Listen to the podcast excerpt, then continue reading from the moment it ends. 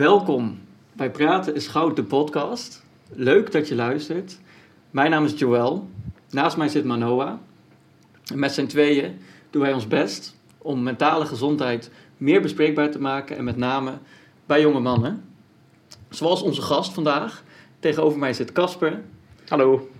Naast mij zit natuurlijk mijn goede partner Manoa. Hoi. En um, ja, podcast lijkt me uitermate geschikt om ons doel uh, wat beter te bereiken. Zeker. Laten we beginnen met een kort uh, voorstelrondje. Ladies first. uh, ja, hoi. Ik ben Manoa. Ik ben 21 jaar. Ik woon in Nijmegen met vriendinnen in het centrum. ik studeer net zoals Joël communicatie aan de hand. En ja, zoals Joël net vertelde zijn we dus bezig met een project om mentale gezondheid bij mannen wat meer onder de aandacht te brengen. Ik had niet beter kunnen verwoorden. Casper? Oké, nou, ik ben Casper. Ik ben 28. Ik woon in Arnhem. Samen met mijn vriendin en twee lieve katjes. En uh, ik ben gevraagd om hier te praten over uh, ja, mentale gezondheid onder mannen. Dus ik ben benieuwd uh, wat, wat het gaat zijn. Ik ben benieuwd wat je zoal gaat vertellen. nou ja, mijn naam is Joël. Ik ben 24 jaar. Ik woon in het prachtige dorp Driel. Maar in de praktijk ben ik vooral veel in Nijmegen of zelfs in Arnhem. Uh, waar ik veel uh, fijne vrienden heb. Waaronder deze twee hier in mijn gezelschap vandaag. Leuk. Ja, vind ik ook. Nou ja, Casper, um, laat ik jou een uh, warme welkom heten met meteen een, ja, voor, voor mij een moeilijke vraag om concreet mm. te beantwoorden, maar wel een belangrijke vraag om te stellen. Om het even breed te trekken. Wat is voor jou eigenlijk mentale gezondheid? Um, ik denk dat het voornamelijk gaat voor mij om lekker in je vel zitten. Um, en um, dat je dingen doet die je leuk vindt, in plaats van dat je dingen doet om andere mensen te pleasen. Of ja, om een beeld te scheppen of zo van iemand die je niet bent. Dat is een van de dingen waar ik uh, wel een beetje vaak tegenaan ben gelopen. ja, ik denk dat dat, in, zeg maar in het kort, is dat denk ik waar, waar het voor mij om gaat. ja. Nou, dat is toch vrij kernachtig. Ja. Dat doe ik je niet nadenken. nou ja, kijk, het is, het is natuurlijk niet zo, zo simpel. Om, want het, mentale gezondheid als as a whole is gewoon heel moeilijk om, uh, ja, om je vinger op te leggen natuurlijk. Maar ik denk dat het ook gewoon voornamelijk gaat om uh, ja, tevreden zijn met wie je bent en uh, wat je doet. Um, en als je niet tevreden bent, dan kan je daar ook iets aan doen. Dus, en dat je daar dan ook voor gaat. Dat is denk ik ook wel goed. Ja. Heel mooi. Ja, het is een heel breed begrip natuurlijk. Ja. Je kan het op heel veel manieren interpreteren. Zeker. Ja. ja. Hoe, hoe is het voor jou? Noem eens even wat associaties. Poeh. Ja, ik denk ook wat Casper zei. Um, dat het bij mij te maken heeft met hoe je in je vel zit. Dus hoe je je voelt. Um, en hoe je daarmee omgaat. Je hebt ook bepaalde gebeurtenissen. Je kan daar op een bepaalde manier op reageren. En je mentale gezondheid heeft daar denk ik invloed op. Of je daar goed of slecht op reageert. En of je goed met bepaalde dingen kan omgaan. Hoe je met tegenslag om kan gaan. Um, ja, dat soort dingen. Of je inderdaad voor jezelf kiest als het nodig is. Uh, dat je dat kan doen. Dat je, dan, dan heb je in mijn ogen een gezonde relatie met jezelf. Uh, ja, ik denk dat. Het is gewoon een heel breed begrip. Ja, ja. zeker. Zeker. En voor jou dan? Nou ja, wat Casper al zei, lekker in je vel zitten, is iets wat ik heel sterk uh, mee associeer. Iets, uh, volgens mij is er niks belangrijkers dan, uh, dan dat in het leven. Dus zeker de moeite waard om daar ja, je best voor te doen. Tenminste, zo zie ik dat. En ja, ik ben er ook echt wel actief mee bezig. het wordt stress. Dat mm. schiet mij meteen te binnen. Ja. Ik denk dat je mentale gezondheid heel erg samenhangt met de hoeveelheid stress die je in je hebt. En um, ja, wat dan weer heel mooi is, is dat stress is best wel concreet gemaakt. Uh, hè, in, als definitie en uh, maar ook hoe je dingen waarvan je stress krijgt, die zijn best wel bekend. En hoe je stress kan verminderen ook. Ja. Um, ja, dat is wat mij uh, zo wat te binnen schiet. Oké. Okay. Ja. En nou ja, daarover gesproken, stress en mentale klachten. Dat is een uh, zorgwekkende trend. Die uh, zijn op het moment onder jongeren uh, sterk aan het toenemen. Mhm. Ik las het laatst nog in het nieuws. Um, ja, En praten, nou, praten is goud. Ehm, nee, dat is echt zo. Het helpt. Ook dat is algemeen eh, bekend. Maar ja, vooral mannen lijken dat erg moeilijk te vinden. Ehm, er is een taboe. Waar Mano en ik eh, al eh, veel eh, dieper in zijn gedoken, eerlijk Ja. gezegd. Ja, En ik was gewoon benieuwd in hoeverre jij eh, dat taboe ervaart, Casper. Ja, ehm, nou ja, ik denk dat praten is goud sowieso een hele goede kernachtige eh, ja, eh, het is het zin is om, om het te beschrijven. Want ehm, wat ik heb gemerkt de afgelopen drie, vier jaar heb ik best wel veel gewerkt aan mijn emoties ervaren en niet en zeg maar daarover kunnen praten. Waarbij ik voornamelijk aan het begin gewoon, ik kende de taal niet eens. Ik wist niet wat voor woorden zou ik moeten zeggen om de emoties die ik voel te beschrijven. Ja, dan, dan zat ik met mijn handen in het hoofd en dan is het, ja, wat is er nou? Ja, ik voel me kut. ja. Ja, wat dan? Wat, wat voel je kut? Tja. Ja, gewoon niet goed. Oké. En dan? Ja, daar heb je niks aan. Nee. Als, eh, als iemand die, eh, die je misschien wil helpen. Ehm, maar dat is ook helemaal niet gek. Want als je kijkt naar hoe mannen eh, door de maatschappij of door, door gewoon een familie zelfs opgevoed wordt. ehm, waarbij het altijd is, ach, stel je niet aan, ah, sta op, ah, je hebt maar een schrammetje aan je been. Hoef je, daar hoef je geen, niet om te huilen. Ehm, dat is een heel erg krop het maar op mentaliteit. die je eigenlijk van jongs af aan meekrijgt. En omdat het zo niet gestimuleerd wordt om te na te denken over hoe je je voelt als man, is het ook gewoon iets waar je dan, als je dan eenmaal denkt van hé hey, wacht, dit gaat niet goed, ik moet iets doen, ik wil iets doen, maar ik kan het niet, want ik weet niet hoe ik erover moet praten. En voor mij heeft dat best wel, is wat, best wel lang heeft dat geduurd voordat ik daarachter kwam, überhaupt. Ik bedoel, jij bent nu net 24. Nou, ik was, ik denk ook net 24 toen ik dacht, nou, misschien moet ik daar maar eens even naar in gaan verdiepen. Want ja, het gaat niet altijd even goed met me. En eh, hoe ga ik daar dan mee om? Ehm, en eh, ja, ik heb dan wel geluk gehad dat mijn ouders en mijn, eh, mijn zus altijd heel erg mij ondersteund hebben en zo. En nooit, ehm, nooit echt die, die taboe-achtige manier van opvoeden hebben gedaan.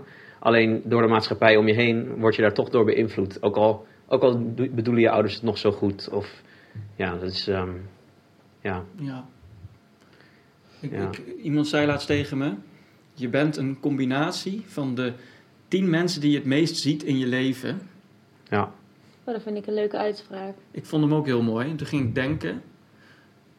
En ja, veel mensen zien ook gewoon vrienden, of in ieder geval mensen buiten hun gezin, vaker dan gezinsleden. zeker. Zeker. En dan kan je het thuis nog zo goed hebben eh, als jij, als ik jou zo hoor. Maar ja, dan zijn het, ja, je ontkomt niet aan die maatschappelijke invloeden. En ja, ik herken dat wel. Mhm.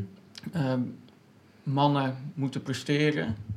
Ehm, mannelijkheid wordt geassocieerd met stoer zijn, met sterk zijn.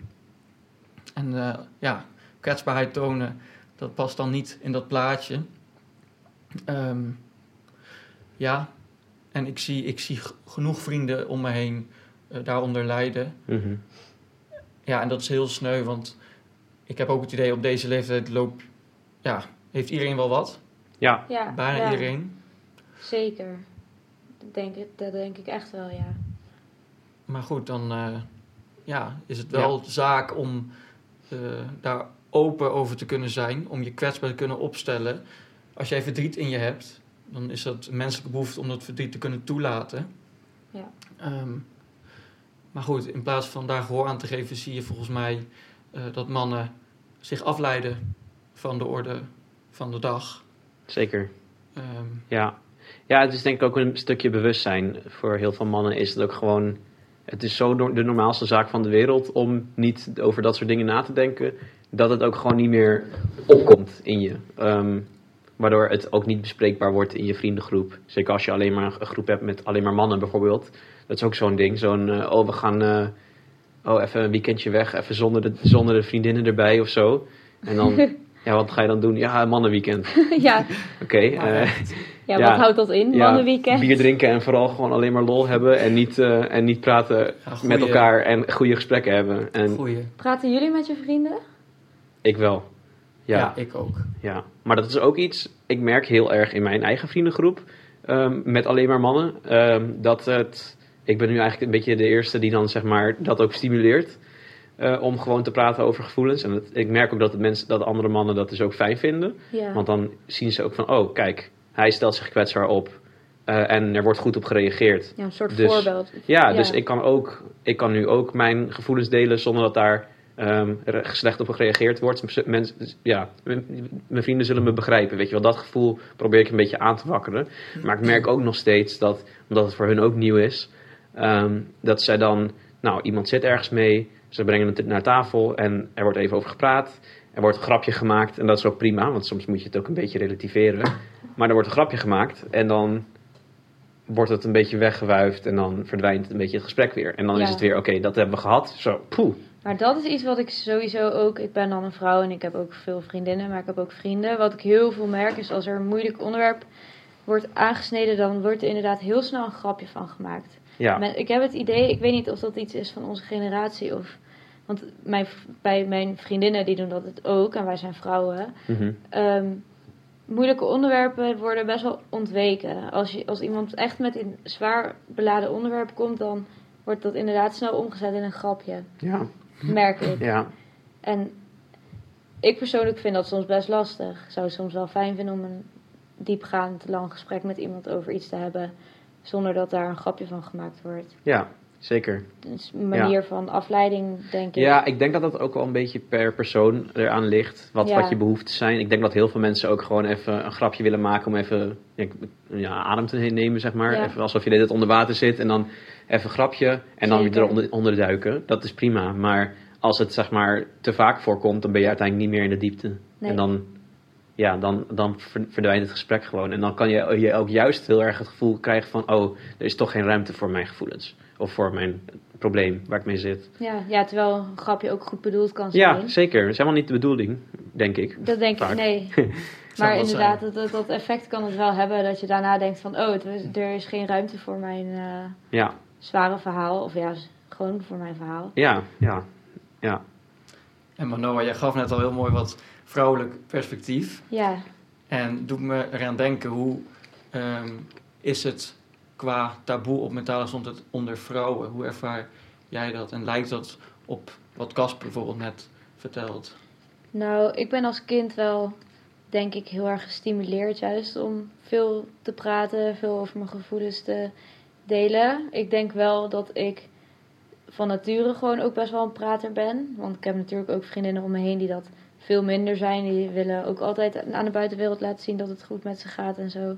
En ik ben daarin denk ik sowieso al best wel soms te eerlijk, als je het zo kan zeggen. Maar nee, ik ervaar geen taboe. Wat ik wel misschien soms heb, is dat je als vrouw al best wel snel in mijn ogen als zeikerd wordt gezien. Of van, Ja. oh, dat, zij zeikt weer. Of zij, er komt er weer zo'n wijf of zo.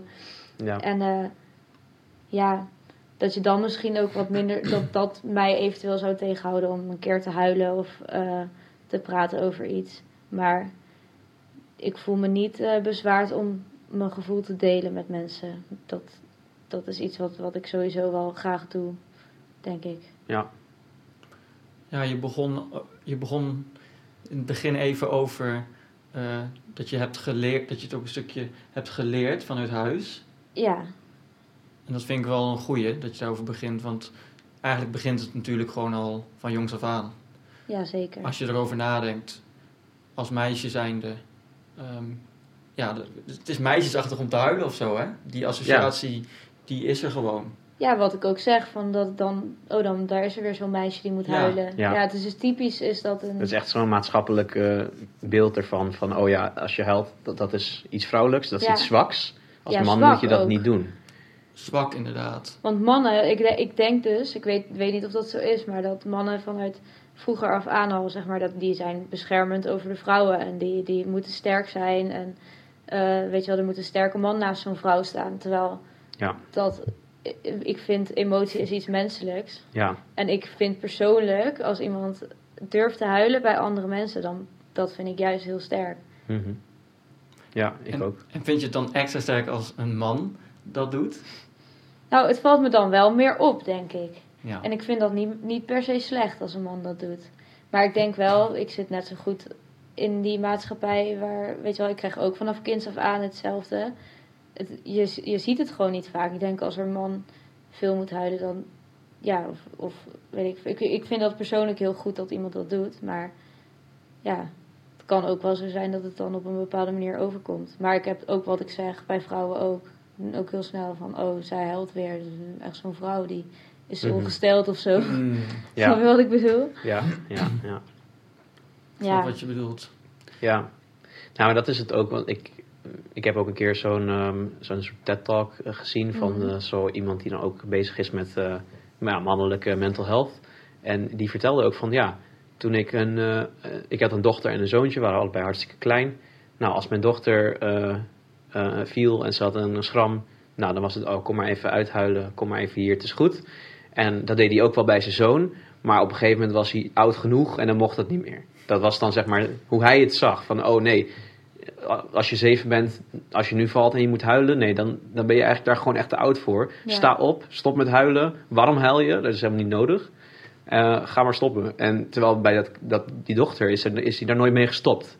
Weet je wel? En ehm, dat is ook denk ik iets wat ook gewoon zo diep in de maatschappij geworteld zit. Dat, dat je als man gewoon gewend bent van nee, je huilt niet. Dat is ook iets waar trots over gedaan wordt trouwens.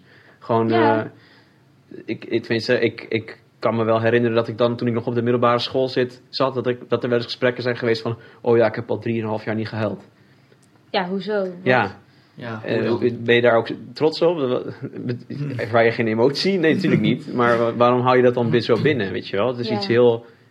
Het is iets heel fijns als je, als je ergens mee zit en je moet huilen. Dat lucht zo op. ja. Ja. Ja, wat, wat is dan sterk? Degene die nooit laat zien emotie te hebben? Ja, Of degene die nou eenmaal iets heeft meegemaakt, ja, waardoor diegene verdriet in zich heeft Ja. en het kan toelaten? ja. Ja, ja ik ben van mening dat ehm, als je huilt. Ik vind wel, je, moet- het is, ligt eraan waarover en zo. Daar ben ik wel eerlijk in. Van, Ja. Het moet inderdaad, je, als je bij elk klein dingetje huilt of zo, vind ik bij iedereen kan ik dat irritant vinden. Maar als je, als je huilt, als het gewoon nodig is, het, het is er gewoon, dus laat het er zijn. En ja. mensen die, die zeggen, ja, ik ervaar geen eh, problemen, want ik heb nergens last van, ik hoef niet te huilen nooit. Ik denk dat die je heel veel binnenhouden. Ik denk, ik kan me het gewoon zelf niet voorstellen, omdat ik zelf, ik ben ook een mens met emoties, zeg maar, en je ziet het om je heen. Iedereen heeft denk ik emoties en mensen die dat niet uiten, die, dat, die uiten het inderdaad niet, maar dat betekent niet dat ze het niet hebben. ja. Dus Het staat vast. Het, Ja. is, het is hartstikke menselijk en het is totaal niet geslachtsgebonden. Nee, absoluut Terwijl de niet. maatschappij dat dan wel doet Ja. suggereren. En eigenlijk Ja. je hele opvoeding, Ja. eh, of ja, vele opvoedingen wijzen daarop. ja. Maar jij begint net over de middelbare school. Mhm. Had je daar toen meer last van? Of is, is dat op de middelbare school voor, ja, voor jou eigenlijk ook wel anders geweest dan nu? Mm, ik denk wel dat ik er weer- wel een meer, een meer hogere graad van stoerdoenerij was voor mij op de middelbare school. Alhoewel ik wel, ik was er niet meer heel erg mee bezig. Ik had dat meer op de basisschool, groep 8, eh, in de eerste klas of zo. En toen later niet meer. Maar ehm, ja, ik kan me ook herinneren, ik had dan een, een vriend van mij. En dat was de, een van de eerste me- eh, jongens op, bij ons op school die openlijk gay was. Oh ja. En eh, nou, dat was gewoon een vriend van mij. En ik ging gewoon met hem chillen. Ik ging met hem spelen, bu- buiten spelen. En ik ging bij hem thuis gamen. En ik ben ook wel eens bij hem blijven slapen. En dan gaat er ook zo'n, als een soort lopend vuurtje, verspreid dat door de school. En dan is het, oh, jullie zijn gay samen. En dus ja, eh, dat is ook zoiets dat ik denk van, ja, waar, waar maak je je druk om, weet je wel? Vreselijke Ja, tijd in middelbare ja, ja. school vind ik echt. Ja, was, dat is niet best. Of maar ja, vreselijk. ik- Mensen ik zijn trok me zo... er- al toen niet meer zo erg van aan. Maar ja, toch, eh, toch wel gek dat dat nog zo speelt dan ook. Op, ja, Ja, ik denk de onzekerheid op die leeftijd. Is iedereen zichzelf aan het uitzoeken. En iedereen wil, wil zichzelf laten zien. En weet nog niet helemaal wie of wat hij of zij is. Het is, altijd, het is zo'n rare periode, de middelbare school. zeker. Hoe heb jij Ja. dat ervaren dan? Nou, ik zit te denken, ik, ehm, toen ik op de middelbare zat, werd ik er van huis uit best wel bewust van gemaakt dat eh, ja, mijn klasgenootjes en überhaupt op die leeftijd, die ik zelf toen ook had, is iedereen op zoek naar zichzelf. Ja. Dat heb ik heel erg meegekregen. En ja, ik was me daar dus ook echt wel eh, bewust van. En ongetwijfeld was ik, had ik er ook last van. ja, Sowieso. nou ja, last van. Ja, je, je, bent, je, bent, je wordt gewoon gevormd Ja, Ja, eh, in die tijd. Maar ehm, ja, ik denk dat het mij, dat bewustzijn heeft me heel erg geholpen om, eh, om al op redelijk vroege leeftijd vrij authentiek eh, te zijn. En ik, eh, ja, dat, dat is wel iets waar, waar ik trots op ben. En da- ook dat kreeg ik mee, hè. dat is dus ook iets om trots op te zijn. ja. Ehm, dat vind ik wel heel mooi. ja. ja. Nou, Ja, ik was wel een onzeker middelbare schoolmeisje hoor. Denk ik. Hm. Ik was toch wel heel erg bezig met wat iedereen van mij vond. En ik wilde op de basisschool was ik bijvoorbeeld heel populair. En op de middelbare een stuk minder. En dat, dat wilde ik dan heel graag weer omhoog houden. En dan was je weer bezig met, als ik dit zeg, hoe komt dat dan over? En eh, ja, ben blij dat ik daar vanaf ben. Maar ja. ik kan me dus voorstellen dat je dat als man misschien ook nog, dat je dan dat taboe, want ik heb dat toen nooit doorgehad Mhm. dat mannen dat zo hadden. Maar dat taboe op praten als je op de middelbare je als jongen niet goed voelt. Ik kan me voorstellen dat dat een lastige omgeving is om daarover te beginnen. Tegen wie ga je dat zeggen? Ik denk niet dat ik met iemand op de middelbare school gepraat heb over hoe ik me voel. Nee. Ja, ik, ik sluit niet uit dat ik een keertje eind bovenbouw Ja, daar openhartig over ben geweest met mijn mentor of zo. ja. Dat heb ik altijd wel heel sterk gehad. Hm. Ehm, dat soort. Een vertrouwenspersoon van school. Nou, ik, heb, ik merk altijd dat ik heel erg, nou, toch wel eh, opkijk eh, tegen oudere mensen. Ik, ik voel heel sterk van, oh, daar kan ik van leren. Die Mhm. hebben meer Ja. levenservaring dan ik. Dus eh, ik geloof dat ik dat eindmiddelbare school nog wel eens kon, eh, bespreekbaar kon maken al. Dat Maar vind ik nee. al wel knap. Ja, nee, ja dat, dat ben ik wel ja, bewust maar van. dat is toch eigenlijk ook bizar dat dat dan knap gevonden wordt. En niet dat ik Ja. dat, Ja. vind dat het verkeerd is dat je dat knap vindt, maar meer van dat. Want ik, ik denk dat bij vrouwen dat het wel. Ja, tuurlijk is het moeilijker in de middelbare schooltijd, maar dat er wel. Dat het wel meer normaal is om met elkaar te praten over hoe je je voelt dan tussen mannen. Ja, ik, kan me, gewoon- ik kan me echt niet herinneren dat ik ooit met iemand op de middelbare school gepraat heb over hoe ik me voel. Ja, dat vind ik echt zonde. Want wij Ja. als vrouwen, ik, ik woon met eh, drie vriendinnen samen. En wij eten ook, wij proberen elke dag samen te eten. Ja. En dan, nou, dan kom ik thuis en dan hebben we echt even een rondje van, eh, nou, hoe was jouw dag en hoe was jouw dag? En als iemand ergens mee zit, dan zeggen we dat ook. En ja, we, dat, daar zijn we heel, eigenlijk heel bewust mee bezig. Niet, ja, onbewust bewust, laat ik het zo zeggen, want we vinden het allemaal gewoon fijn. Ja. Maar ik, ja, wij zitten in een grote vriendengroep, ook met allemaal jongens. En ik, ik hoor hun dat bijvoorbeeld niet met elkaar doen. Nee. Dus dat vind ik echt wel een contrast tussen de mannen en vrouwen. Ja. Tenminste in mijn omgeving. Ik kan, er zijn vast vriendengroepen die dat wel doen. Maar dat vind ik altijd wel heel fijn. Gewoon heel even een bewust momentje van... Nou, hoe zit jij er eigenlijk bij vandaag? En eh, hoe was Mhm. jouw dag? En dan, als iemand ergens mee zit, dan is daar ruimte om daarover te praten. Ja. Ik weet niet of... Ja, doen jullie dat met je vrienden? Ehm, nou, ik, ik zeker die vrienden waarvan ik weet, ja, er- zijn eh, vervelende dingen going on.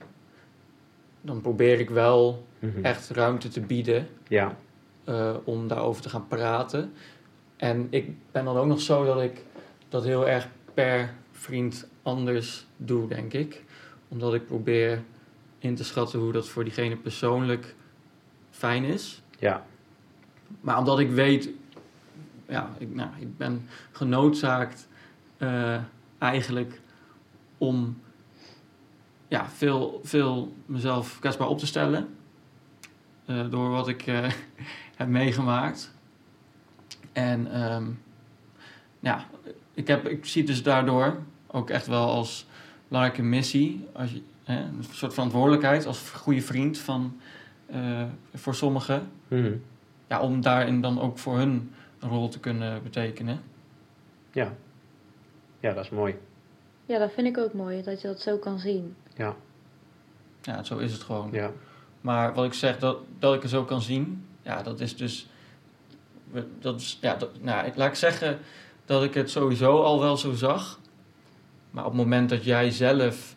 ehm, ja, het gewoon mentaal, mentaal ontzettend wordt uitgedaagd... en je kan daar bovenop komen... dan, dat heb ik toen ook best wel vaak uitgesproken, dan weet je iets wat je pas, zo voelt het voor mij, wat je pas echt kan weten als je dus zelf in zo'n situatie hebt gezeten. Mhm. Ehm, ja, en dat voel ik nog steeds. Ja. Ja. Maar dat, dat zegt dan ook wel een beetje iets over jouw empathisch vermogen dan, toch? Als ik het goed begrijp. Ja, ik denk, en nou ja, ik weet van mezelf dat ik empathisch ben. Ik weet ook over empathie dat dat voor een heel groot deel iets is, ja, toch wel genetisch is, Mhm. indirect. Dus ik ga- ga mezelf, ik vind het een mooie eigenschap van mezelf. Ik, ja, je moet sowieso trots zijn op jezelf. Iedereen Mhm. heeft mooie eigenschappen. Daar mag ik trots op zijn. Maar ik, ten eerste, ik beschouw het niet echt als een groot compliment of zo. Op het moment dat ik hoor, zoals nu, eh, empathisch vermogen. Door die kennis die ik heb. Maar ehm, ik denk eerlijk gezegd dat we een klein beetje afdwalen van het Ja, oorspronkelijke ja, ja. topic. Wat niet erg is, want er worden mooie dingen gezegd. Ja. Maar eh, nou, we hadden het net over de middelbare schooltijd. Laten we nu weer even in het heden zijn. Ja. In het- heden overwinnen we wel dat taboe. Waar dat op de middelbare school nog totaal niet aan de orde was. Nou ja, eh, om maar weer bij jou te beginnen, Casper. Hoe, ja, wat, welke voordelen ervaar jij van praten over mentale gezondheid? Ehm, ik denk dat een, ik weet niet of daar, volgens mij is er geen Nederlands woord voor, maar eh, anxiety ehm, is heel erg naar beneden gegaan. Er is volgens mij geen Nederlands zit woord even voor. na te denken. Dat Ja, het lading dekt, zeg maar. Het is een soort angst. Ja, Angstigheid, Angstigheid, als je ja. buiten bent of zo. nou niet per se als je buiten bent, het is gewoon een soort van Ja, een gevoel, gevoel van binnen. Angst. wat heel erg, ja, schouders optrekken en Ja, Ehm, ja, ik, ik merk dat ik, een ik, ik, ik ben sowieso altijd al best wel een relaxed persoon geweest. Maar ehm, sinds ik veel meer over mijn emoties praat en veel meer daarmee in touch ben, merk ik dat ik daar eigenlijk nog verder in chill kan zijn, zeg maar. Dat ik gewoon een stuk minder, eh, ja, minder bang ben om daarover te praten. Ehm, en ook, eh, ja, dat, dat, dat heeft gewoon echt een hele positieve invloed op mijn eh, gemoedstoestand. En ehm, het is niet eens als ik praat over mijn eigen problemen met iemand. Dat helpt natuurlijk. Maar ook als andere mensen over hun problemen naar mij toe komen. Dat voelt voor mij ook heel speciaal. Dan denk ik ook van wauw. Wat fijn dat je mij vertrouwt hiermee. En eh, dat, ik je, dat ik je kan helpen. Ehm, en ja, dat, dat geeft me zo'n goed gevoel.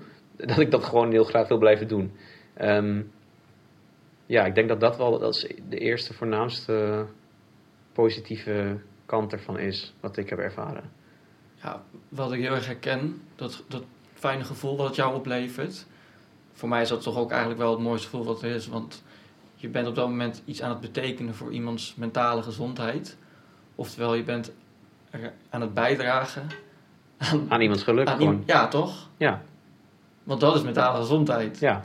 Fy- fysieke gezondheid, dat is voor iedereen heel begrijpelijk of Ja, zo. ja. Hè, als jij ziek Mhm. bent, dan is dat de orde van de dag.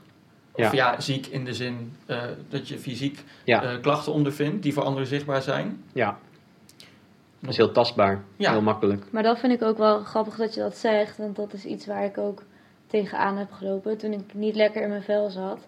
En ik had bijvoorbeeld werk en ik werkte in de horeca, in de bediening. Dus dan moet je ook, weet je wel, je bent altijd met gasten bezig. Je moet die glimlach opzetten. Als je niet lekker in je vel zit, dan eigenlijk ben je gewoon ziek, maar niet fysiek. Hoe leg je dat aan iemand uit? Dat is heel anders dan als je zegt van, nou, ik ben eh, super verkouden en ik heb koorts of eh, ik heb mijn been gebroken. Iedereen ziet dat. Mhm. Dat wordt ook meteen erkend. Maar mentaal ziek wordt niet zo snel erkend als ziek.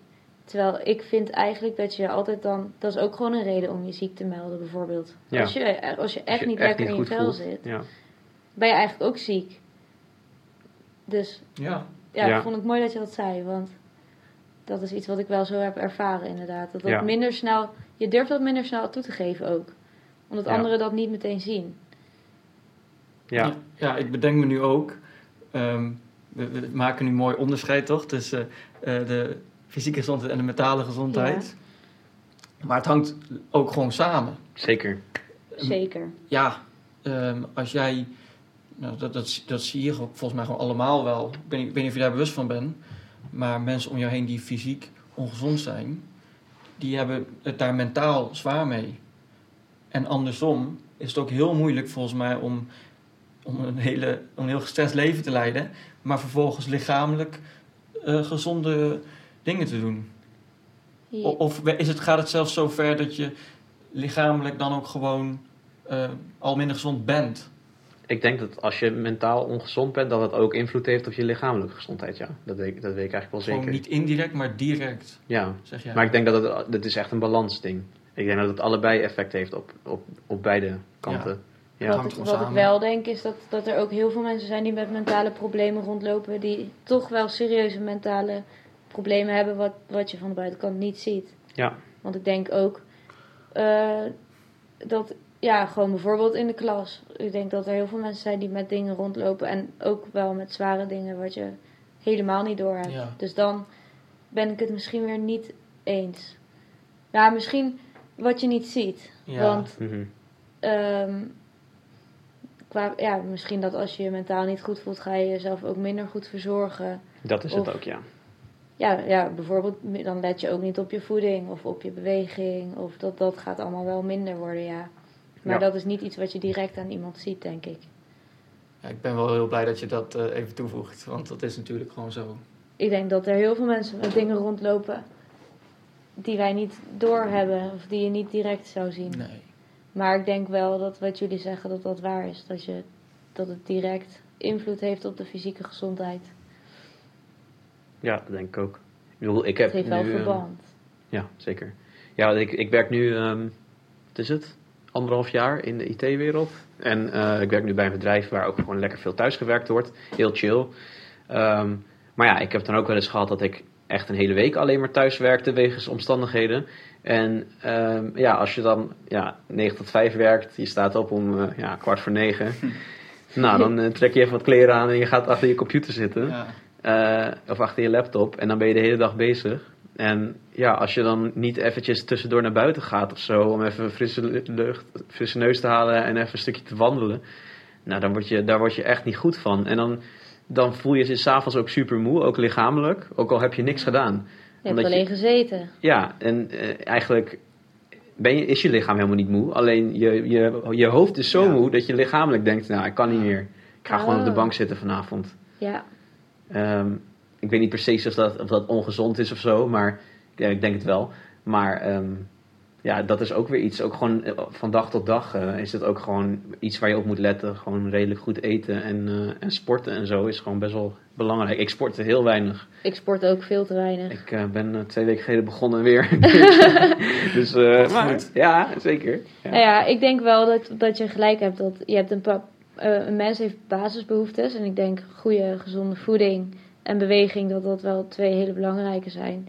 Volgens mij wordt het ook aangeraden als je niet lekker in je vel zit om sowieso veel te wandelen of naar buiten te gaan. Ja, Veel beweging. En eh, inderdaad op je voeding te letten. ja, zeker. Ik, ja. En dat Ja. zijn dus ook de eerste twee dingen. En slaap trouwens ook. Ja, Dat zijn echt ook de, de eerste drie dingen die, er, denk ik, eronder gaan lijden wanneer je minder lekker in je vel zit. Ja, zo, en zo'n werkdag waar Casper net over Ja. vertelt. Ja, ik zou er ook echt helemaal niet goed van worden. En ik heb ook zeker zulke dagen gehad. Ja, Ik ben nu wel zover dat ik ze kan vermijden. Mhm. dus dat is wel heel nice. Maar nou, wat je zegt, dan kan je het eind van de dag echt op zijn. Dat je lichamelijk je gewoon echt, echt vermoeid voelt. Maar goed, dan heb ik dus een sportieve verplichting. S'avonds. Voetbaltraining. ja. Waar ik heel blij mee ben dat dat in mijn leven is. En dan ga ik daar maar heen. Ook dat stukje verplichting. ja, ja maar, dat, maar dat kost je heel veel moeite om die stap te zetten daarheen te gaan. Ja, oprecht. Ja. ik ben, dat, dat is iets wat tot, tot een paar jaar geleden dan inderdaad voor mij een lastige stap was. En ehm, dan sta je op het voetbalveld. En dan is dat voetbalveld dus even de hele wereld. Ja, Verstand op nul, om Ja. het zo maar te zeggen. En wegmoeheid, je bent eh, topfit. ja, lekker. Heerlijk. Ja, is fijn. Mooi wat er is. Ja. ja. ja. Voor mij in ieder geval. Sport is eh, een belangrijk Ja. onderdeel van mijn leven. En heeft ook echt die functie eh, voor, voor het mentale stukje. Nou, je kan gewoon heel even met niks bezig zijn. En echt vol op die beweging focussen eigenlijk. Mhm. Ja, ik ben zelf niet een super sportief type, maar ik doe dan sinds kort padellen met, eh, Oh, met mijn vriendinnen. En ja, is inderdaad een fijne, fijn, eh, je bent er maar een uurtje of soms twee uurtjes uit, maar je hebt wel even, je bent buiten geweest, je bent in beweging geweest, je bent even met iets totaal anders bezig geweest. Ja, dat, het helpt mij in ieder geval Ja. heel erg. Ja, ik kan me voorstellen. Ja, Zeker. En nou ja, de- nu noemen we echt een prime example van een hulpmiddel bij mentale gezondheid. ja, Maar ik ben eigenlijk ook wel benieuwd eh, naar een discussie over hulpmiddelen bij praten over je mentale gezondheid. Om even terug naar het praten Mhm, te mhm. gaan. Ehm, hebben jullie zulke hu- hulpmiddelen? En echt in de breedste zin van het woord, hè? En hoe bedoel je dan bij praten erover? Nou ja, een, een externe factoren zoals een eh, persoon in jouw leven die jou helpt om te praten. Of misschien professionele hulp. eh, Ja. De rol daarvan. Ja, nou ik heb zelf, heb ik, eh, nou mijn vriendin heeft me heel erg geholpen met heel veel dingen. Ehm, uiteindelijk ook eh, eh, psychiatrische hulp gezocht, therapie gehad voor cognitieve gedragstherapie. Therapie, voor hoeveel maanden? Ik denk acht maanden of zo. En dan één keer in de twee weken een gesprek. Ehm, en ik weet niet precies, ja, hulpmiddel, ik weet het niet. Ehm, ik voelde heel erg de noodzaak om iets te doen aan waar ik mee zat. En dat was voor mij al genoeg motivatie. Maar het, het heeft wel heel lang geduurd voordat ik me realiseerde dat ik daar iets aan moet doen. En ik weet niet zo goed wat mij had kunnen helpen. Ja, om, om daar te komen, zeg maar, eerder. Want eigenlijk was het al best wel, best wel ver stadium. Waarvan ik dacht, oh, eigenlijk had ik al veel eerder iets aan moeten doen. Ehm, ja, ik, denk, ik denk dan toch dat het wel weer naar het taboe gaat. Want als, als er geen taboe had gezeten op praten als man, dan was het denk ik nooit zo ver gekomen dat ik therapie nodig had. En dat ik, eh, dat ik ook mijn vriendinnen eigenlijk heel zwaar belastte met mijn problemen. Ehm, ja, Kwam je daarachter tijdens de therapie, zeg maar? dat ik haar belast? Of? Ja, dat, dat je daar eigenlijk best wel laat mee, mee was. Nee, dat, daar kwam ik al voor de therapie wel achter. Ehm, met mijn vriendin dan. Ja, Ehm, en dat was ook de reden dat ik dat dan ging doen. Want dat, omdat ik dacht, ja, ik kan niet nu nog meer op jou gaan leunen. Want ik merk gewoon dat, dat omdat ik zo incapabel ben eigenlijk eh, in di- dit soort dingen. Dat ik zo erg op jou moet leunen dat ik het ook alleen maar met haar kon eh, doen, zeg maar. ja, Eh, dat, dat praten op die manier. En, ehm, en do- toen professionele hulp te zoeken was wel, ja, was wel een beetje eng. Ehm, maar uiteindelijk wel de goede keuze, want nu ben ik daar veel meer open in en heb ik daar een stuk minder moeite mee. ja. Ehm, wat ook nog wel best wel erg is eigenlijk, ehm, was ik ging dus naar de huisarts toe om een verwijsbrief te krijgen. En nou, ik heb een mannelijke huisarts. En die, eh, die, die, die probeerde het me, aan, te praten dat de redenen dat ik eh, hier last van ervaarde, was niet mijn eigen, ehm, eh, ja, wat is het, on- on- onkunde, maar dat mijn vriendin het er moeilijk mee had en dat dat de reden was. Oh, je bent hier omdat je vriendin er last van heeft. Nee, maar dat is ook zoiets dat ook gewoon in stand wordt gehouden, zelfs op dat professionele gebied. Nou, echt verschrikkelijk vent. Wauw. Belachelijk Ja, echt bizar. Maar goed, ik ben er nog steeds boos over als ik er terug over denk. Ik het was echt, ik was echt pissed off. Ik dacht echt, ja, Ja. hallo, jij, jij, jij moet mij helpen. En Ja. het enige wat je doet is mijn vriendin naar, naar beneden praten. Het is ook al een stap dat je daar überhaupt ja, durft te het gaan is zitten. super eng om daarheen te gaan, voor mij. Ja, En eh, dus ik was heel blij toen ik doorverwezen werd. Ik zei van, ik, ik heb het nodig. Ik eh, ga niet met, jou verder hierover praten. Maar nee. Maar zo'n huisarts is daar natuurlijk ook totaal niet in gespecialiseerd. Klopt, je hebt hun klopt. eigenlijk alleen nodig om doorverwijzing te krijgen. Ja, ja. Maar zo zie je maar weer, dat ik, voor mij het heeft best wel lang geduurd om uiteindelijk die stap te zetten van oké, ik heb hulp nodig, ik ga, ik ga iets doen. Ja, En dan moet ik eerst, oké, eerst even die tussenstop. En die tussenstop maakt het nog moeilijker. Ik, ik, kwam, ik kwam huilend thuis. Dat is zo erg was het voor ja mij. dat is Ja, echt. snap ik nog. Ja, Dat hoor, dat, ik vind dat dat soort dingen horen niet meer. nee, klopt. Dat, maar dat is ook dat taboe wat eraf moet. Ook bij huisartsen inderdaad. Ja. Want als die tussenstap, als die al moeilijk gaat, dat kan mensen best wel afschrikken, denk ik. Zeker weten. Ja, Ik heb Echt zelf ook zo'n ervaring bij een huisarts. Dat ik daar zat en die heeft mij ook, ik ben ook huilend thuisgekomen. Ik begon te vertellen over waar ik dan allemaal mee zat. En die eigenlijk kwam het daarop neer van eh, dat, dat, dat ik het niet, allemaal niet nodig had. En, eh, ja. terwijl dat, de stap dat je ergens naartoe gaat, dat, dat laat wel zien dat je, als je op Dat zoek je- bent naar professionele dat- hulp, Dan heb je het nodig. ja, dat doe je niet zomaar. Nee, klopt. Dus dat vind ik best wel, dat is best wel een probleem. Ja, zeker. Hoe heb jij dat ervaren? Nou ja, ik, ik ga nu toch huisartsenpraktijk even in een positief eh, Dat dag- ja, ja, ja, dat mag. zeker. daglicht zetten. Ik was echt eh, positief verrast toen ik eh, de stap nam om naar de POH GGZ te gaan. Oftewel de praktijk ondersteunen Heel van de huisarts. Ja, Ja. geestelijke gezondheidszorg. Nou, ja, ten eerste vind ik het heel tof dat dat bij basiszorg hoort.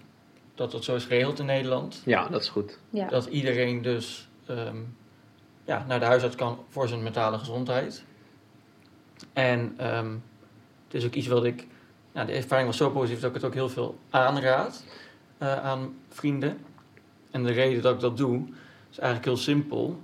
Ik, ik heb ooit ehm, gelezen ehm, dat één op de twee mensen zou wat hebben aan eh, laagdrempelige professionele hulp. Ik bedoel niet dat je het nodig hebt, één of de twee mensen, maar je zou er wat aan hebben. Ja, Ja. Echt, dat is gewoon op dit moment heeft één of twee mensen daar wat aan. ja. Nou, dat, dat zegt voor mij heel veel. En ja, ik, mijn, ja, mijn eigen ervaringen, die wijzen daar ook op. Ehm, voor mij was het heel fijn om iemand die geestelijke gezondheid als vakgebied heeft, tegenover me te hebben. Ja.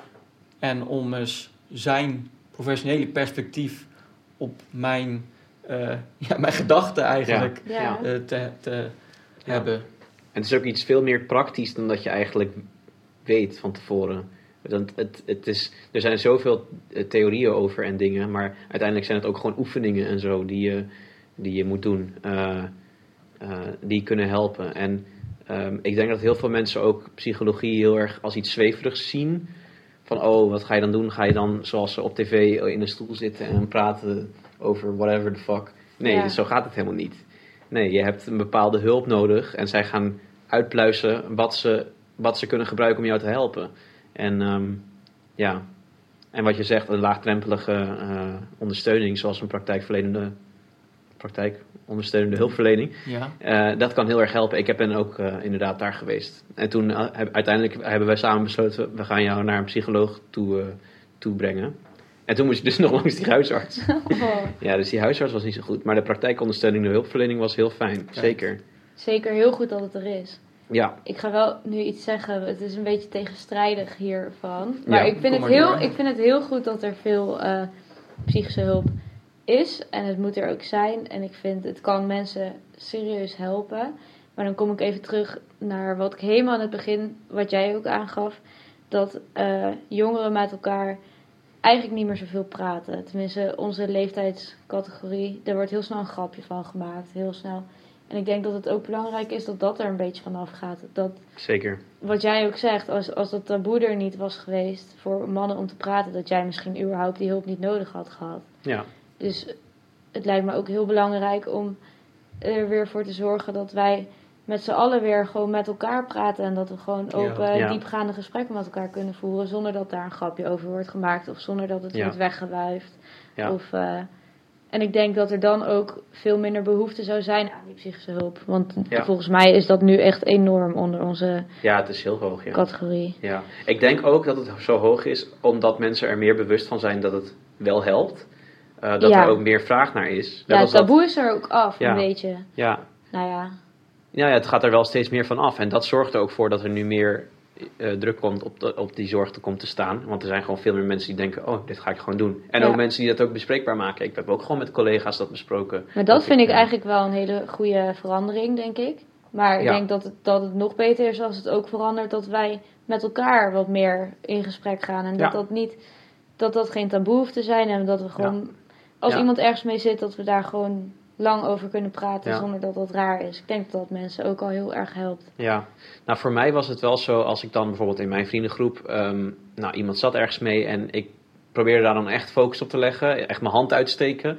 En je moet ook maar wel, ja je kan je hand uitsteken, maar ze moeten wel je hand grijpen, weet je wel. Ze moeten wel die kans nemen om Zeker. dat te doen. En soms doen ze dat met een vinger en dan maken ze zelf een grapje en dan is het weer weg, weet je wel. Ja. Dus het, gaat, het, is, het is twee kanten. Zeker. Kijk, als jij zelf iets gaat aankaarten over hoe je je voelt en iemand anders maakt er een grapje over en het is klaar, nou dat voelt natuurlijk super kut. Maar als als iemand voor het eerst iets zegt over zijn emoties en dan een grapje maakt en dan gaat het weg.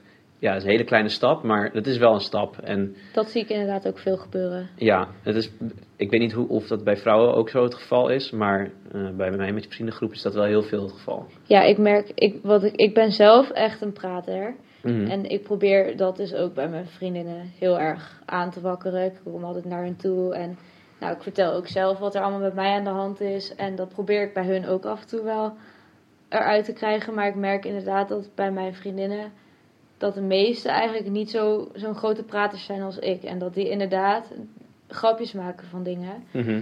En niet eens per se van wat ik tegen ze zeg. Want wat ik zeg wordt echt wel serieus genomen. Maar als ik Ja. over hun emotie probeer te praten, dan wordt het. eh, Wordt dat afgekapt? ja, dat en wordt wel lastig wel. Ja. Dat wordt vaak inderdaad wel afgekapt. Of dan gaan we door naar iets grappigs. En dan, zit- ja, voor je het weet ben je gewoon weer een spelletje aan het spelen of iets grappigs aan het doen. Wat natuurlijk ook heel leuk is. eh, Dat, is, dat moet er ook zijn. Maar Ja. ik, ja, dat, ik denk dat dat wel is wat ik bij mezelf merk. Mijn vriendinnen staan heel erg open voor mijn emoties. En ik, dat komt denk ik ook omdat ik er heel erg open over praat. Maar als ik het dan bij hun terug Probeer je, aandacht doen, geef ja. aan hun emoties, dat, daar het schrikken ze inderdaad wel van af. Dus ik denk dat dat Ja. niet per se een mannen- of een vrouwending is. Ik denk dat dat misschien een generatieding is, durf ik Zou te zeggen. kunnen, dat ik zou weet kunnen. niet hoe het ja. bij oudere mensen is. Nou, ik denk dat het bij oudere mensen nog een stuk erger is, eerlijk gezegd. Ik denk het taboe op, eh, voor mannen in ieder geval. Ja. Ik denk Ja. onze vaders en hun vaders, dat, dat, dan zijn wij al heel modern. Hmm, zeg Zeker, maar. zeker. Nou ja, als ik ook kijk naar hoe het nu gaat op TikTok en zo. Ik heb zelf geen TikTok, maar ik zie soms dingen voorbij komen. En dan echt over mental health. Dat ik echt denk, wow, jullie zijn zo jong en al hier zo ver mee bezig. En dat is iets heel moois. Wat ook wel heel vet is aan het internet. Dat er nu zoveel resources eh, gewoon klaarstaan. Om gewoon dingen te leren over, ja... Toen ik eh, op de middelbare school kwam, toen hadden we net eh, de eerste Blackberries of zo. Ja, Ja, toen bestond het internet nog niet echt zo op deze manier. Nee, wel- Hives wel- en MSN. Hives en MSN wel, maar daar ging je niet over met, daar ging je glitterplaatjes posten. Ja, dan ging die, die bewegende stickertjes en ja, zo. ja. Maar Klopt. goed, ja. Ja, ik snap, ja. En dat is wel iets wat, wat wel een hele mooie eh, vordering is nu in... eh, Ik denk Ja, wel, wereld. aan de ene kant zijn wij meer dan ooit bezig met mentale gezondheid. Omdat het, ik denk ook dat, misschien ook wel sinds de coronatijd, dat, het, dat er ook veel meer mhm. hulpvraag is, zeg maar. Maar aan, aan de andere kant is het ergens ook iets wat mensen heel duidelijk heel moeilijk vinden om over te praten. Ja. Nog steeds. Ja, dat blijft zo. En ja, ik denk, het is ook gewoon gevoelig, want het is ook heel persoonlijk natuurlijk. Het is, gewoon, het is gewoon eng om je kwetsbaar op te stellen. Dat, dat is het gewoon. Ja, het voelt als zwak. Ja, dat, ja het voelt als zwak omdat je dat verteld is de hele, hele leven. Maar eigenlijk is dat helemaal niet zo. Het is juist eh, fucking vet als iemand dat doet. Ja. Ik zeg ook altijd als iemand van mijn vrienden eh, iets heeft verteld waar hij mee zat, dan zeg ik altijd na afloop dat ik super trots ben dat hij dat heeft verteld. Omdat ik gewoon wil weten, echt, echt even op het hart drukken van het is fucking goed dat je dit vertelt en dat je daarover wil praten. Ja. En ja, Het is letterlijk goed. Het is echt goed voor hem Ja, dat hij letterlijk. dat op dat moment Ja. doet. ja. En ook gewoon, ook gewoon om te laten zien van ehm, ik ben trots op je dat jij dit durft, weet je wel. Van het is niet makkelijk en dat weet ik eh, en toch doe je het. En ja, daar mag je gewoon trots op zijn. Dus ja. Ja, mooi dat je dat doet. ja, vind ik ook. Ik heb nu een tijdje heel erg aandachtig eh, zitten luisteren Ja. naar jullie. Ja, je, Ja. Die hadden echt mooie perspectieven. En wat ik eruit haal, nou, we begonnen eh, met het opsommen van hulpmiddelen. Nou, toen begonnen we al snel over professionele hulp. ja. Mhm. Ehm, maar ook de opkomst van het internet eh, lijkt samen te hangen met de toenemende aandacht voor mentale gezondheid. En ehm, Casper noemde in, eh, ja, in verschillende contexten noemde jij psychologie. En dat, Ja. zette, dat zette mij dan vervolgens aan het denken. Mhm. Ik had het er laatst over met een vriendin. Ehm, wat ik sowieso leuk vind om te vertellen, dat vind ik een leuk weetje. Psychologie betekent trouwens, terminologisch, het is, komt uit het Oud-Grieks. eh, psy- psyche, of Ja. psyche moet ik zeggen. Dat Ja. betekent eh, ziel of geest. Geest, ja. En logos, dat betekent reden of verstand. Maar je moet eigenlijk gewoon eh, zien, vertalen als de leer van eh, je geest. Ja. Zo moet je het letterlijk vertalen. Oké. Ja, letterlijk, een beetje vrij. Ongeveer, ongeveer letterlijk. Een soort, van- soort van letterlijk. En waarom is psychologie dan eigenlijk niet een vak al op de basisschool? Ja, Want het is psychologie, ja, je leert er pas over, je hebt pas de mogelijkheid in dit onderwijssysteem om daarover te leren, eh, wanneer je een vervolgstudie ja, gaat doen. ja, Terwijl wat is er nou belangrijker om Ja. te weten dan hoe de menselijke eh, geest in elkaar zit? Ja. ik ben het helemaal met je eens. Als dat common eh, knowledge wordt. Ja, ik denk dat, het, dat we daar wel naartoe gaan hoor. Als we gewoon doorgaan met hoe we nu gaan, met alle vorderingen, dat we uiteindelijk wel op de middelbare school of zo, gewoon in, vanaf de tweede klas of zo, dat je gewoon psychologie krijgt. Van, ga maar nadenken over wie je bent. Dat zou ik wel dat, mooi zou- vinden. dat is toch veel belangrijker dan al die andere, tenminste vind ik, veel belangrijker dan al die andere vakken die je krijgt, waarbij je ja, iets exacts leert en dan dat vergeet over tien jaar. Maar school is sowieso heel prestatiegericht. Ja, en dat slaat nergens op. Nee, ik vind ook echt dat je eigenlijk de dingen die je nodig hebt in het leven. Het is niet dat je niks goeds leert, Nee. maar de, de basisdingen, inderdaad, zoals psychologie, maar ook. eh, weet ik veel, hoe je de belasting, hoe dat later Ja. werkt of zo. Ja, Dat zijn ja, toch ja, dingen ja. waar dan ga je op je achttiende, moet, loop je daar ineens tegenaan en dan moet je dat maar doen. Terwijl dat vind ik ook, dat, ja, Ja, dat soort onderwerpen, maar psychologie is daar één van. Die zouden best wel op school mogen gegeven worden, ja. Ja, Je leert dan bijvoorbeeld biologie. Hè? Ja. We gaan van alles leren over flora en fauna. hm. eh, over hoe, hoe ja, ja, op zich hartstikke interessant hè. Ik vond het een heel leuk vak. Ja, Maar is het niet eh, misschien meer interessant om eerst jezelf, jezelf te leren kennen. hoe ja, ja, organisme en eh, van, alles en nog wat komt voorbij. Maar we zijn zelf ook een organisme en daar weten we nog lang niet alles over. Terwijl we nu al, Ja, eh, al het andere afgaan. ik vind wel, op onze opleiding in ieder geval, want wij doen allebei communicatie, dat wij best wel veel reflecteren op onszelf en hoe jij als persoon erin stond. En, Ja. Ehm, nou, we hebben bijvoorbeeld die discprofielen. En het is natuurlijk niet dat je meteen een, dat je in een hoekje wordt geduwd. Maar je, je, je leert wel jezelf kennen. Er wordt, je doet een bepaalde soort quiz. En dan kom je er wel achter van... Oh, ik werk beter zo. Of ik eh, ben, Mhm. weet ik veel. Ik ben bijvoorbeeld eh, I. Ik weet niet meer wat dat inhoudt Invloed? ja, volgens mij ben ik in ieder geval iemand die heel. Eh, ik ben niet een, bijvoorbeeld een geboren leider. Ik ben meer eh, iemand die veel praat en zo. Nou, dat leer je allemaal bij Wat is dat van school. die- zo'n profiel van ENFP of zo? Of, eh? Ja, nou, DISC heet het. En je hebt dan dominantie. Oh, oké. Het gaat volgens mij over jouw voorkeuren in de professionele samenwerking. Ja, het is eigenlijk professionele samenwerking. Maar ik kan het best wel terugvertalen naar hoe ik Je zelf privé, ben. ja, en er wordt best tuurlijk. wel, ik vind dat er bij ons op de opleiding wel veel aandacht aan wordt besteed. Ook bij Vind ik ook. reflecteren. Ook. Ja. Hoe stond jij erin in deze situatie? eh, weet ik Mhm. veel. En dan niet per se alleen professioneel gebied. Ja, Maar ik vind dat ze dat ook meer op de basisschool en de middelbare school zouden mogen doen. ja. Mee eens. Meer Ja. stilstaan bij hoe ervaar jij dit en hoe voel jij je nu. Ja. En eh, ja, is dit gevoel goed of slecht? Want wat jij ook al zei in het begin, jij kon geen woorden geven aan je gevoel. En dat houdt je ook tegen door Ja. te praten. Ja, En ik denk dat jij hebt dat denk ik, ik weet niet of jij dat ook zo hebt ervaren. Oeh. ehm, nou, ik, ik... Nou, misschien niet eigenlijk. Ik denk dat ik wel... eh, dat ik nooit...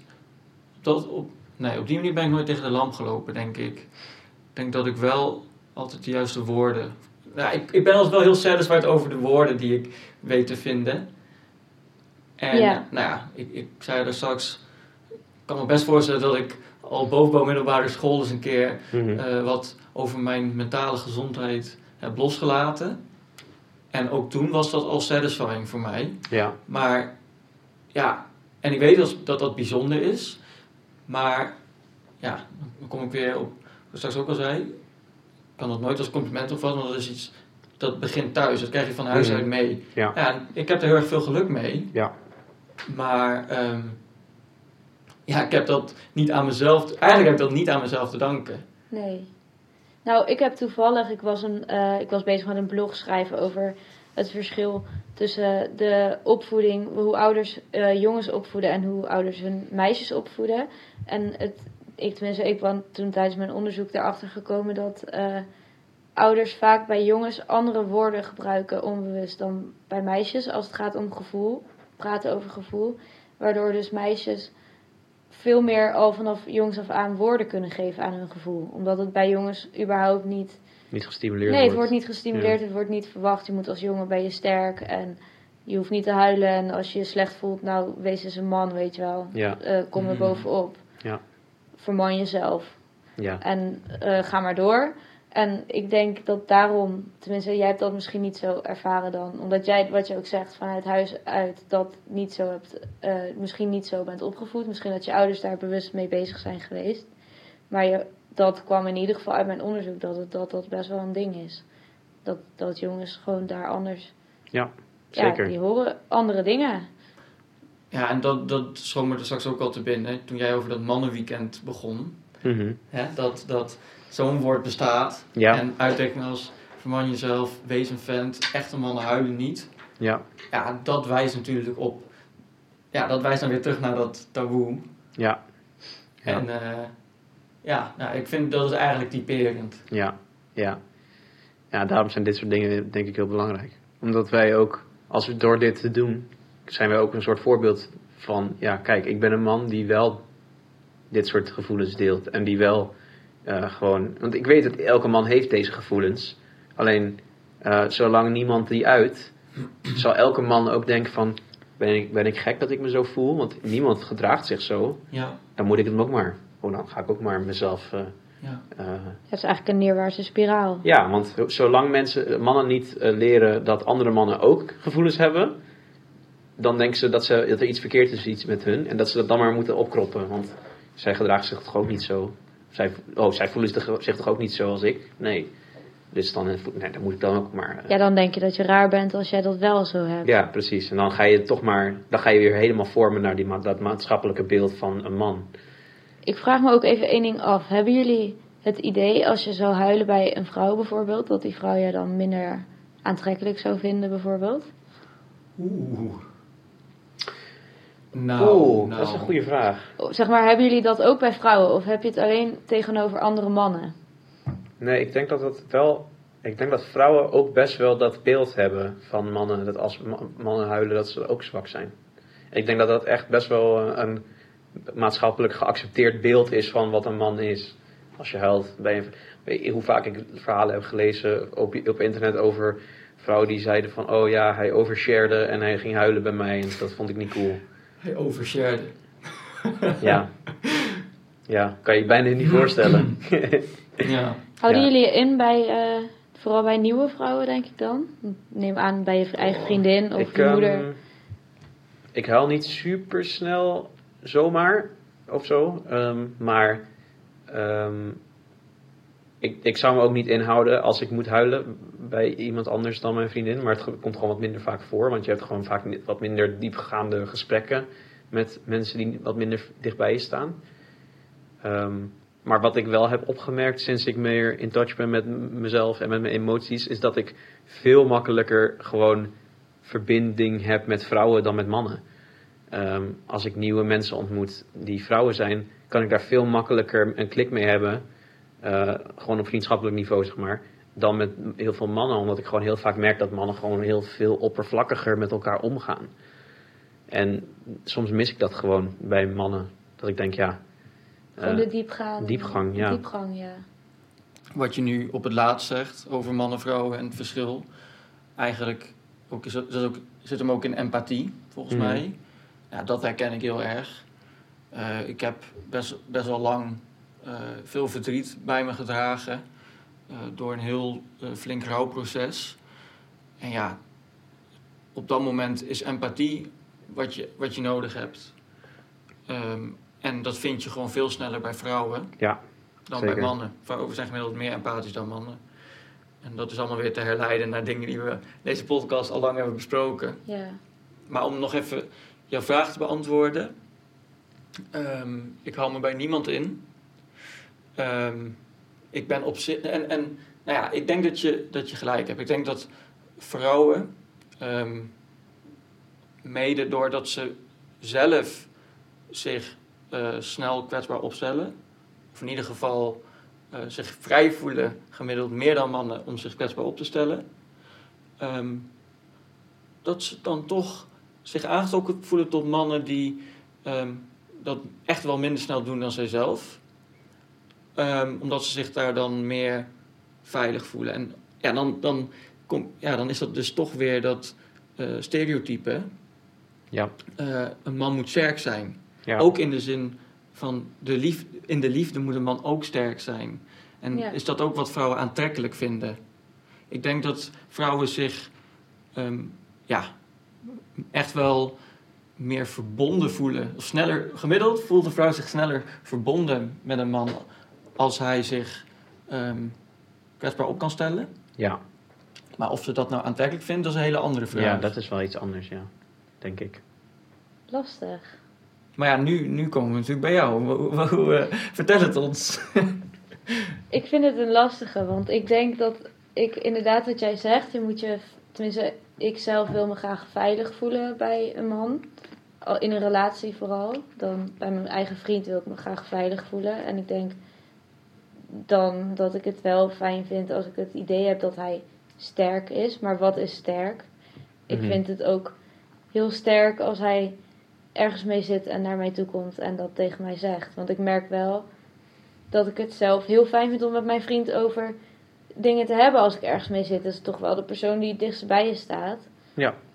Ik vind dat niet per se onaantrekkelijk als hij daarover Nee. begint. Ik ben wel heel blij als hij ergens mee zit dat hij dan tegen mij zegt van Manoa, ik zit hiermee, wil je er alsjeblieft met mij over praten?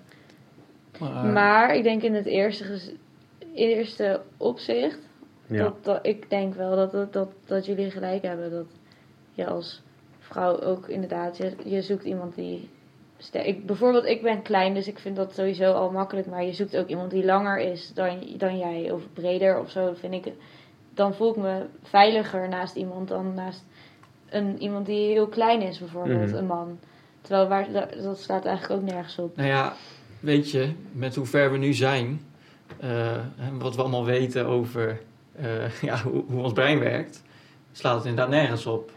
Maar volgens mij is dit er gewoon hartstikke ingeëvalueerd, zeg maar. Ja, want dat is niet tegenwoordig het heb- rationele gedeelte van je brein. eh. Ja, Ja, tegenwoordig heb je ook helemaal geen sterk iemand naast je meer nodig. We zijn niet aan het overleven in de natuur, zeg nee, maar. nee en als, Maar- je, als, als iemand die heel sterk is een pistool heeft en ik ook, dan is dat hetzelfde, toch? Ja, maar, bij daarom. wijze van spreken. Dus ik denk dat je Ja. gelijk hebt dat het iets is wat, eh, wat erin is geëvalueerd. Ja, ja en, en dat begint dus echt toch veel eerder dan dat er pistolen bestonden. ja, ja. ja. Ja. Want van oorsprong was het gewoon man tegen man, vuist Ja. tegen vuist. ja. Ja, en de sterkste wint. En daar, ik denk dat dat daar Survival nog of the vandaan fittest. komt. ja. Ja, survival of the fittest, ja. ja, ja. Leven of overleven. Ja. Maar ja, ik denk wel dat je, ja, dat Ja. is er inderdaad wel. Maar het, in het begin, zeg maar, dat, dat, dan heb ik het nu over als ik een, iemand leuk zou gaan vinden, bijvoorbeeld. Dan vind ik dat heel belangrijk. Maar wanneer je eenmaal in een relatie bent, ja. ik kan het lastig het vinden als mijn vriend mensen. zich niet overstelt. Ja, tuurlijk. Want dat merk ik wel. Maar dan, dan, dat vind ik wel lastig. Dat merk ik ook wel aan mijn huidige vriend. Als wij dan, ik, als ik dan ergens over praat. Ik, hij doet het heel goed, maar ik merk wel dat hij het soms lastig vindt om de diepte in te gaan. En dat vind ik dan weer lastig. Ja, Dus dan, dan heb ik er juist behoefte aan. Dat, dat, dat is wel degene die het dichtst bij je staat. Om Ja. daar dan ja, ook diepgaande gesprekken mee te hebben. Dat is wel heel belangrijk. ja. En dat gaat tussen ons wel heel goed hoor. Maar dat is iets wat je merkt dat mannen dat over het algemeen toch wel lastiger vinden dan Ja. vrouwen. Ja. Ik ga makkelijker met mijn vriendinnen diep, diepgaande gesprekken aan dan met mannen. Ja. ja, zeker. ja, simpelweg omdat ze al volgens mij gemiddeld veel meer ervaring hebben opgedaan ook. Ja, ja ook, ik trek ook veel meer naar mijn moeder toe als, het, als ik ergens heel erg mee zit dan naar mijn vader. Kijk, Ik denk dat dat ook vanuit vroeger gewoon, Mhm. je zoekt dan die troost daar of Ja. zo. ja, als je ons nou zo hoort in deze al meer dan een uur durende podcast, ja, dan is heel veel te herleiden naar eh, de opvoeding. Of zelfs nog veel verder terug naar eh, Evolutie. Evolutie. Ja, evolutie. ja. Daar zullen sommigen natuurlijk ook nog over twisten. Maar ehm, nee, ik, zou, ik zou het mooi vinden om, eh, om naar het einde toe te werken Ja, zeker. ja. van dit hele mooie gesprek. Waarvoor ik jullie beiden wil bedanken trouwens. Jij ook bedankt. Ja, jij ook. Ja, echt Leuk dat ik hier mag zijn. Ja, heel graag gedaan. Ik, eh, ik vind het voor herhaling vatbaar. Dus wie weet. nee, maar ehm, ja, hartstikke bedankt. Ook bedankt voor het luisteren. Als je het nog eh, hebt volgehouden tot dit punt. ja, ja, ja. En ehm, ja, ik, ik zou het leuk vinden. Mano en ik, en Casper natuurlijk ook, vinden het leuk om, eh, om eens wat feedback te ontvangen. Dus eh, ja, mocht je met ons hebben meegedacht of ehm, een eigen perspectief hebben om in te brengen, dan zijn we daar heel benieuwd naar. Laat je horen, want praten is goud. Zo ja, zo ja. Om, om even tot de camera te richten voor het eerst. goud. ja. Ja. Bedankt voor het luisteren en jullie bedankt eh, voor het spreken. Ja, inderdaad, allebei bedankt. Oké. Tot de volgende keer. Ja. Tot de volgende. Ciao.